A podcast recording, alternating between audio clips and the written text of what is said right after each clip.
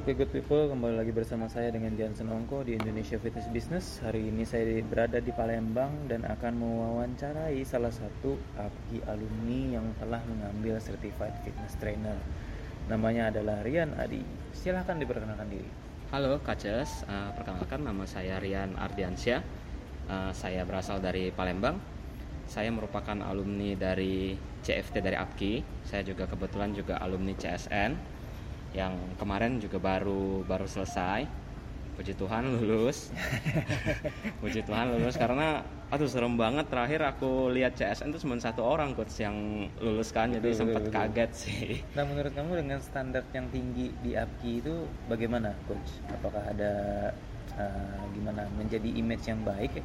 atau bagaimana kira-kira? Nah, kalau menurut saya pribadi sih justru itu baik sekali sih coach. Uh, tandanya dari APKI sendiri sudah uh, kasih ya level standard yang ya? ya standar yang cukup tinggi. Bayangkan dari beberapa kaces yang ikut uh, ternyata cuman kemarin dokter Willia kalau nggak yeah. salah ya coach yang itu yang terakhir sebelum saya ikut makanya sempat kaget tapi ya berbekal percaya diri aja coach ada tipsnya kira-kira supaya bisa lulus uh, mungkin tipsnya jangan sistem kebut semalam aja sih kalau bisa udah dipersiapkan ya paling nggak satu bulan sebelum lah supaya nggak terlalu buru-buru kan jadi, Jadi memang kebanyakan juga orang-orang yang sistem kebut semalam itu tidak lulus hmm, biasanya. Hmm, hmm. Nah, uh, berbicara tentang seorang coach Rian Adi ini, apa yang bisa kamu share di misalnya di industri fitness di Palembang atau bisnis yang kamu jalani sekarang ini, ada nggak? Oke, okay, kalau mungkin yang bisa aku share, ini dulu deh uh, passion kamu. Kenapa kamu tiba-tiba memutuskan untuk menjadi seorang coach daripada bisnis yang lain? Oh, oke. Okay.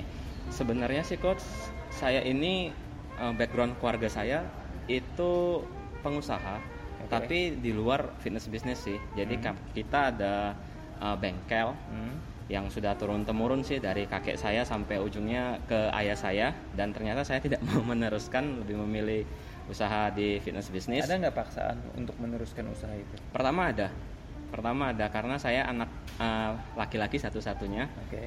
Jadi biasanya di ya di beberapa keluarga kan anak laki-laki bakal meneruskan usaha keluarganya. Okay. Tapi Tapi aku meneruskan sekarang perempuan loh. Uh, enggak sih, sekarang oh, belum, belum ada ya? sih, belum ada. Oke, okay, oke, okay, oke. Okay. Belum ada. Nah, kalau ngomong masalah passion saya, sebenarnya sih simple karena saya dulu itu overweight parah sih, hmm. lumayan parah. Usia Jadi, berapa tuh? Ah, kuliah sih, sekitar umur 19 tahun lah. Oke. Okay jadi saya overweight parah berawal ya fitness ya. Umur segitu mau tampil lebih fit lah coach. Jadi hmm. cari cara untuk ya gimana caranya supaya bisa lebih oke okay. akhirnya fitness. Karena nggak ada mentor sama, sama sekali basically pakai bro science. Jadi ya banyak lah mitos-mitos yang aku jalankan, jalankan sampai ya bener-bener nggak -bener enak sih. Apa yang paling nggak enak nahan lapar sih yang nahan paling lapar. utama nahan lapar sih karena okay. kelaparan demi demi pengen kurus dalam tanda kutip akhirnya malah pernah hampir di opnam sih hmm. karena hampir tifus waktu itu. I see.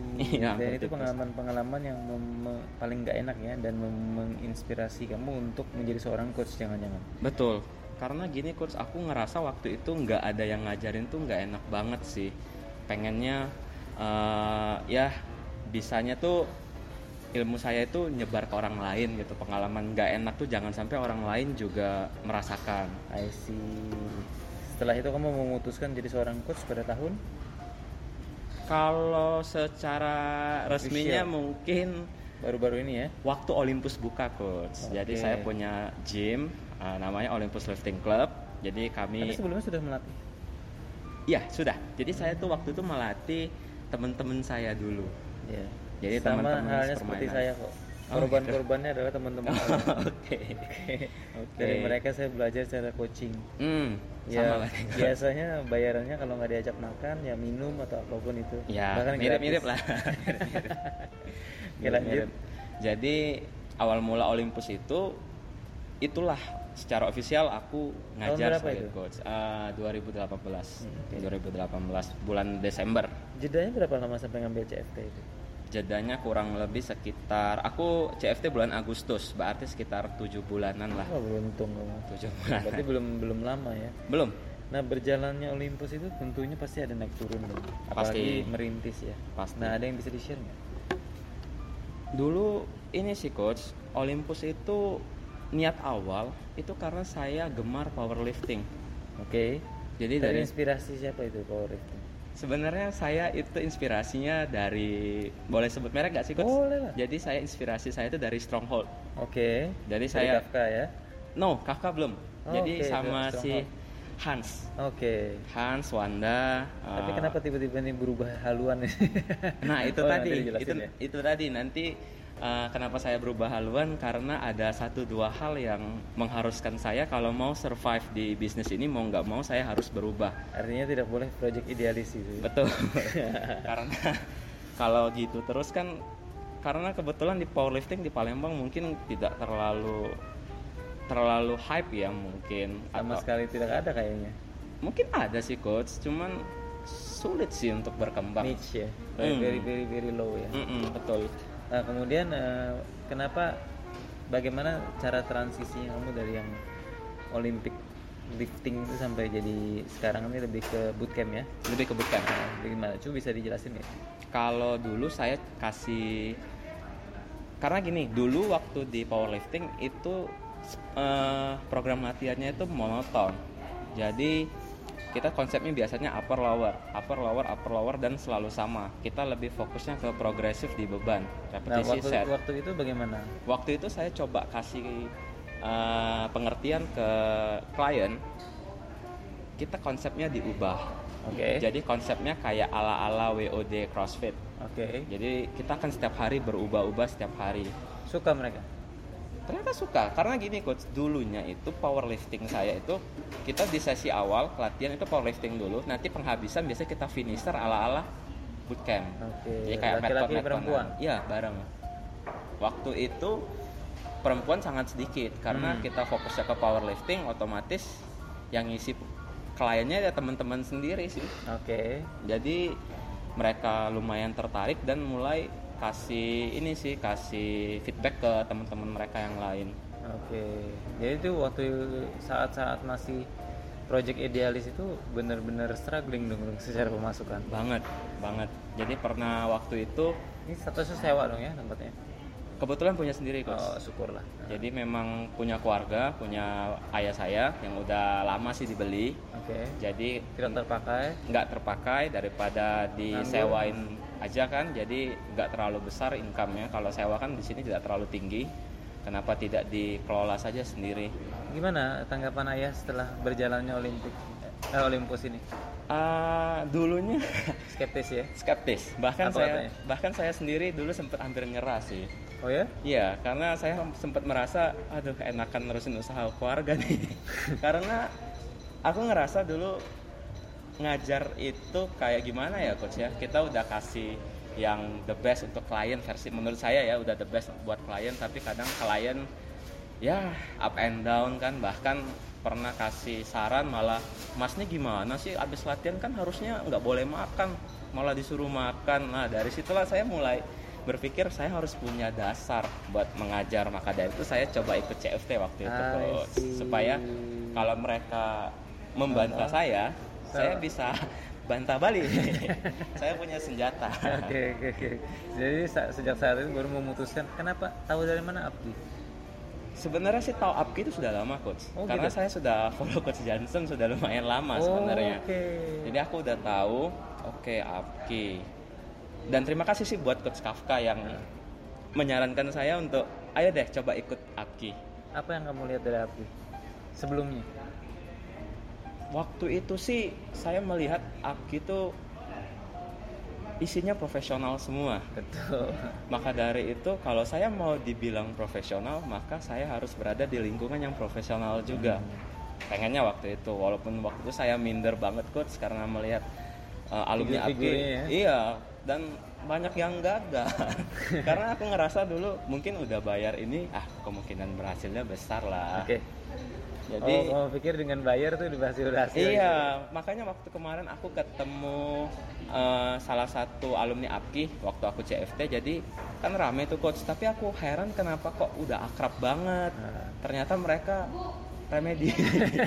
Oh ternyata sudah pernah kenal duluan. Oh ini semua remedial semua. Aduh langsung kaget aku. Langsung drop. Down ya. Wah ini kira-kira udah jauh-jauh dari Palembang berhasil nggak ya? Tapi ya udahlah jalan aja lah. Lanjut lanjut, lanjut. oke nah kalau dari Olympus sendiri yang kemarin yang tadi transisi huh? ya kalau di powerlifting kan monoton coach. Ya bagi sebagian orang yang memang suka di powerlifting mungkin itu nikmat tapi ternyata orang-orang awam yang baru belum kenal belum kenal olahraga itu boring banget dan terkesan seram lihat hmm. squat lihat squat yang ratusan Berat. kilo kan itu mereka aduh ini tuh hernia nih auto hernia nih belum apa apa sudah udah takut kan maka dari, iya maka dari itu aku harus langsung berpikir ini nggak bisa nih akhirnya ngeliat-ngeliat di Instagram coach aku waktu itu nggak tahu kalau yang itu tuh bootcamp. Okay. Jujur aku nggak tahu itu namanya bootcamp yang aku sekarang pakai sekarang konsep latihannya. Yang aku tahu dulu memang uh, circuit training. Circuit training, iya. Awal mula circuit training dan baru nangkep kalau itu bootcamp. Nah, sebenarnya uh, bootcamp itu masuk dalam kategori circuit training juga. Oke. Okay. Jadi bisa tapi populernya dibilang bootcamp. Okay. Karena circuit training sendiri kan series of workout. Mm -hmm. Jadi bener aja kalau kamu bilangnya itu circuit training bootcamp itu karena banyak dilakukan di uh, ini apa? Di apa itu militer. Militer ya nah ya. jadi disebut dengan bootcamp tapi nggak apa-apa dua-duanya masih bisa digunakan kok. Oke. Okay. nah transisi dari dari uh, Olympic lifting ke bootcamp itu kan nggak gampang ya. Nah tadi kamu jelaskan apa uh, menjelaskan ke klien secara langsung atau gimana caranya? Caranya transisi gimana? Kalau transisi saya coba waktu itu bahkan coach itu transisi itu saya belum ada kelas-kelas. Hmm. Jadi saya saya standby dari pagi sampai ke malam. Jadi kalau ada klien datang aku ngajar, aku klien datang aku ngajar. Jadi enggak enggak efektif. Aku keluar tenaganya jauh lebih besar untuk ngajar klien yang cuma satu satu satu orang. Akhirnya kamu bikin kelas. Akhirnya aku bikin jam kelas. berapa aja? Waktu itu sih pagi dan sore. Pagi dan sore. Pagi jam? dan sore. Uh, jam 9 pagi sama jam setengah lima sore. Jam 9 pagi dan setengah lima sore. Oke, itu efektif. Lumayan sih. Paling enggak udah pagi-pagi aku ngajar dan aku punya waktu rest lagi sampai sore hari buat ngajar kembali sih coach. Kalau hmm. kemarin tuh kan aku bener-bener standby uh, dari pagi sampai ke malam. Jadi solusinya adalah kalau misalnya mau konsep sirkuit training itu harus ada kelas jamnya. Harus banget sih karena kalau nggak gitu kok schedule iya kalau nggak gitu nanti nggak uh, dibikin kelas kita udah mulai setengah nanti ada yang satu datang. Hmm, harus tapi di Olympus sendiri ada personal training juga? Dulunya ada. Oke. Okay. sekarang aku putuskan untuk nggak terima dulu. Aku mau fokus di kelas aja sih. Oke. Okay. fokus di kelas karena aku pernah coba jadi ngajar personal training dan kelas itu blackout Oh karena kecapean. Kecapean. Jadi sekarang aku fokusnya untuk income yang paling besar karena ya kita harus realistis ya? ya. Jadi dari mem dari kelas itu kalau untuk sekarang memang penghasilannya jauh lebih besar kalau di Olympus. Itu sistemnya bulanan ya? Iya, kita kita bulanan kalau di di ini Oke. Okay. Uh, apa kendala kamu saat ini? Kalau untuk sekarang itu SDM. SDM. SDM. Berapa orang pelatihnya? Sama saya dua orang. Baru dua orang? Baru dua orang. Saya baru dua orang coach. Iya pasti exhausted kalau menerima personal training lagi. Betul. Dan nah. kita juga ini coach uh, tempatnya. Jadi kita nggak bisa langsung barengan. Ah. nggak bisa bareng. Kalau kelas berarti nggak bisa PT kalau PT berarti nggak bisa kelas. Oke. Okay. mau nggak mau kita harus pilih salah satu dan ya kita harus realistis ya kelas lebih menguntungkan untuk sekarang. Mau nggak mau memang secara secara tempat sendiri tidak memadai ya. Betul. Nah kalau berbicara SDM sendiri apakah memang kamu butuh banyak lebih banyak SDM untuk sekarang iya coach. Oh gitu? Untuk sekarang Kenapa iya. tuh? pertama satu bisa menambah kelas ya? bisa iya. Jadi ada bisa banyak kelas lagi. Apa kendala kamu di saat mencari SDM di Palembang? Kalau cari SDM di Palembang itu untuk bootcamp itu tidak terlalu banyak coach yang mengajar bootcamp. Kebanyakan training ya? mengajar circuit training. Kebanyakan uh, mereka itu ya bodybuilder jadi cuman biasanya ngajar PT jadi konsep kelas itu kelas bootcamp agak jarang sih coach yang saya tahu. Oh, okay. yang saya tahu agak jarang. Jadinya saya lebih memilih anak uh, didik saya sendiri. Jadi yang pelatih saya di Olympus sekarang si Ihang itu anak didik saya yang ikut saya saya ajar waktu itu oh. Jadi memang memang dia belum pernah fitness sama sekali dulunya dan saya ajar dari awal. Sama-sama orang overweight dan sekarang ya mendingan sih. Dari situ juga ada passion yang sama. Dulu dia overweight dan dia mau teman-temannya yang lainnya overweight kebantu. Karena dia merasa kebantu karena saya ngajarin Ihang pada waktu itu. Dan sekarang maunya Ihang ngajar orang lain supaya ini sih supaya kebantu teman-teman yang Tapi lain yang teman-teman yang lain mau diajar sama dia? Mau. Karena sudah ada sukses story lah ya dari betul dia. betul. Jadi dari awal aku tahu uh, dia bakal berhasil karena ngelihat tekadnya sih. Jadi aku udah ambil foto before yang nantinya bisa aku jadiin semacam kayak ini sih coach kayak portofolio.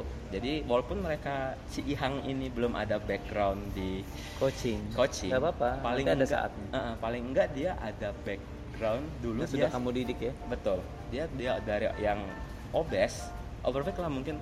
Overweight tuh obes sekarang sudah lumayan bagus. Hmm, okay. jadi itu bakal buat dia pegangan dia untuk ngajar orang lain sih. Paling enggak dia biar di percaya orang lain dulu. Nah kalau kamu lihat di industri fitness Palembang ini kan kamu sudah beberapa tahun ya? Satu tahun lebih sih, mau jalan dua sih. Ya. Apa kira-kira yang perlu diimprove? Yang perlu diimprove mungkin SDM sih. SDM tetap ya. SDM tetap karena mau itu di Sulawesi mau di Sumatera sama aja. Banget. Kalimantan sama aja. Banget. Jadi kalau di Palembang ini jujur tapi yang saya tahu ya coach ya, yang saya tahu jujur uh, masih banyak bro science-nya, masih oh, banyak okay. yang kasih advice kayak nggak uh, boleh makannya habis olahraga dan masih banyak sampai hari ini kebanyakan klien saya yang di kelas itu mereka datangan dari gym lain dan masih merasa aneh kalau habis latihan disuruh makan. Okay. Mereka masih takut, masih khawatir kalau misalnya makan setelah latihan itu berarti latihannya sia-sia. Nah, ternyata masih banyak banget coach. Maka di situ aku berkesimpulan, padahal mereka juga nggak maksudnya ada background fitness. Mereka sudah sempat fitness di tempat lain dan ternyata mereka kompak kan takut buat makan. Oh bah, gitu. iya bahkan ada yang pernah keliengan jadi keliengan tuh mungkin pusing pusing di gym ya, karena belum makan dari kemarin. Karena takut timbangannya itu sudah naik. Mereka melampiaskan uh, melampiaskan hilaf mereka kemarin makan berlebihan itu di gym Astaga. Dari situ aku berkesimpulan, waduh ini masih banyak banget sih, maksudnya uh, eh, SDM SDM di luar sana yang harus dikasih pengertian lagi sih. Nah, apa yang apa mungkin apa yang bisa kamu lakukan untuk Palembang sendiri? Kalau untuk Palembang aku coba sekarang ini lebih mengedepankan latihan itu harus menyenangkan dulu. Okay. Maka dari itu aku lagi getol-getolnya nih coach jadi bikin konten terus baik itu secara personal branding saya dan branding untuk Olympusnya sendiri. Okay. Jadi melalui sosial media saya mau coba kasih edukasi ke masyarakat khususnya kalau, kota kalau boleh jujur kamu punya konten sekarang udah bagus-bagus wah thank you thank you banget coach saya waktu lihat perubahan itu setelah kamu menjelaskan latihan kamu menjelaskan itu wah ini oke okay banget wah thank you thank you coach. Terus, so much improvement. Dari mana kamu belajar itu? Ah, dari banyak hal coach. Oh. Dari coach Johnson sendiri saya belajar, dari beberapa fitness influencer juga saya nangkep cara copywriting mereka bagaimana siapa yang paling menurut kamu yang paling bagus copywritingnya? Uh, ini. Coach Rizal dan Coach Arbi Arso. Hmm. itu bagus ya, ya? itu aku ini sih fans banget sih sama mereka berdua. Jadi dari mereka dua tuh mengedukasi nggak harus terlalu serius lucu hmm. tapi ngena banget sih coach. Bagus bagus, mm, maka dari dua orang itu saya coba improve nggak harus di copy mentah-mentah. Ya jadi harus ada style mm -mm, pakai style saya sendiri saja. Mungkin kalau sekarang masih agak kurang bagus tapi kalau saya terus berlatih menulis mudah-mudahan makin bagus. Betul betul. Syukurlah. -mm. nah apa lagi uh, plan kamu untuk Olympus sendiri untuk Riannya sendiri pribadi dan juga untuk keseluruhan ini? Kalau plan saya sekarang coach uh, saya mau mudah-mudahan bisa scale up karena Olympus sendiri udah puji Tuhan udah makin banyak Wah, luar biasa. Puji Tuhan. Jadi saya harus persiapkan tempat karena kalau udah Jadi rame kemungkinan besar tempat, akan pindah nih. pindah belum belum tahu sih coach. Cuman saya lagi ngincer tanah belakang di belakang gym saya sih. Itu Oke. tanah kosong. Mudah-mudahan kalau ya kalau semuanya berjalan lancar, saya mau coba beli dan saya garap lagi. Ya, oke. Karena semoga semoga ya lancar amin ya. amin coach.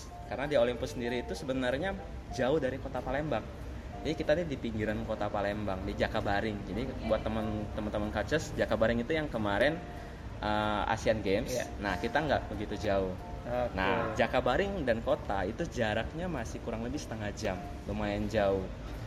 Jadi kalau Tapi saya ini banyak perumahan kayaknya. banyak perumahan. Nah, itu nah itu aja kelebihannya. iya heeh, jadi ini sih jadi kayak kesempatan buat saya. Sebenarnya kalau lihat dari Jakabaring sama yang kota Palembang saat ini, walaupun terbatas dengan sungai itu yang jembatan itu Hmm, ya, Ampera coach. ya Ampera, itu sebenarnya justru kalau menurut saya ya, kamu memiliki pasar yang berkembang, Mm-mm.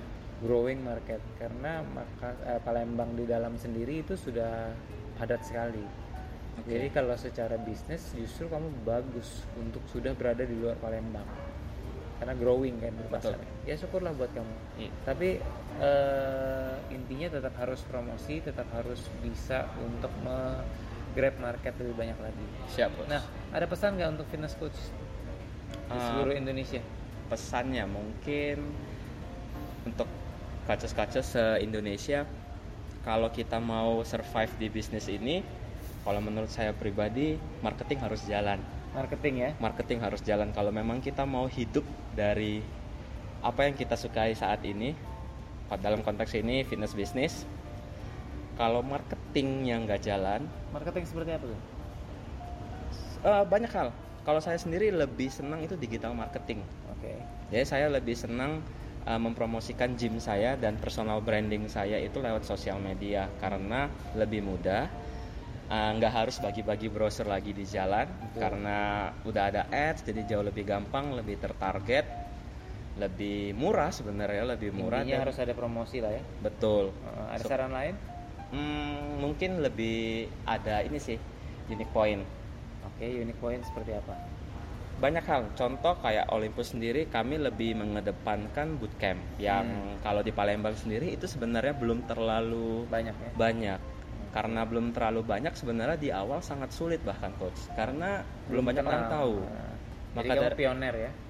bisa dibilang Pioner. mungkin ya bisa dibilang atau saya nggak tahu sih ada Tapi bootcamp di syukurnya Palembang karena atau kamu belum. terkonek dengan Apki, jadi tahu lihat tren-tren yang sedang jalan apa gitu. betul betul Oke, pertama promosi, kedua punya unique point, Mm-mm. tiga ada lagi. mungkin lebih percaya diri aja sih coach Oke. Karena dulu jujur saya bangun Olympus itu mirip-mirip kayak bangun dengerin podcastnya Coach Johnson Oke. kemarin yang gym yang nggak ada treadmill. Jujur kalau misalnya ada dulu calon klien yang masuk ke gym, "E, Mbak Mas inilah gym kita kita nggak ada treadmill. Kita pertama kali yang dikasih tahu ke klien itu mbak itu ininya nilai negatifnya negatif Oke. versi mereka padahal sebenarnya belum tentu mereka cari treadmill pada waktu itu kan sekarang jauh lebih pede karena bootcamp sendiri udah lumayan sih coach udah lumayan kalau misalnya di, jalan itu ada sih yang suka kenal coach Rian ya Wah, dari Olympus wah itu aku hebat. jujur ngerasa waduh brandingku akhirnya bener-bener sukses sih Mantap ya. ternyata ada yang Oke, kenal last things, apa yang kamu dapatkan dengan menjadi salah satu alumni Apki? yang pasti networking lebih luas Oke. saya bisa bertanya ke kacis-kacis yang jauh lebih berpengalaman dan mereka humble-humble coach bener-bener kebantu coach Leoni. Terima kasih yang udah dengerin curhatku. Sering curhat sama coach Leoni. Coach Johnson juga terima kasih banyak yang Sama-sama. sering kasih sharing banyak hal yang sampai sekarang Olympus bisa aku nggak kebayang sih dulu cari satu juta masuk dompet itu susah banget coach. Susah Sekarang banget. puluhan juta ya. ya amin amin amin amin amin coach. Amin amin. Jadi kamu merasa mendapatkan manfaat ya jadi Banget. bagian Apki ya. banget banget banget. Dari CFT itu sudah melejit habis CSN lebih melejit lagi Wah luar biasa. Ya saya turut senang lah dengarnya. Ya intinya sukses ter- eh, sukses selalu untuk Coach Rian. thank you coach Any, amin any last words? Hmm, Pepatah aja atau apa? pokoknya semangat terus buat coach-coaches di se Indonesia mungkin yang baru memulai bisnis gymnya struggle di awal it's okay tapi nanti pasti kalau kita konsisten marketing jalan terus semuanya And pasti find, find, find a good mentor ya. Pasti harus. Harus harus harus coach. Nggak ada mentor itu kita Tersiksa bisa ya? kesiksa iya. Mungkin makan waktu lebih lama coach. Betul. karena belajar otodidak itu trial and errornya lebih panjang dan bahkan bisa give up. Betul betul coach. Oke terima kasih coach Rian. Terima kasih banyak coach. Oke semoga bermanfaat untuk seluruh pendengar. Itu tadi coach Rian Adi dari Palembang dan sampai jumpa di episode berikutnya. Terima kasih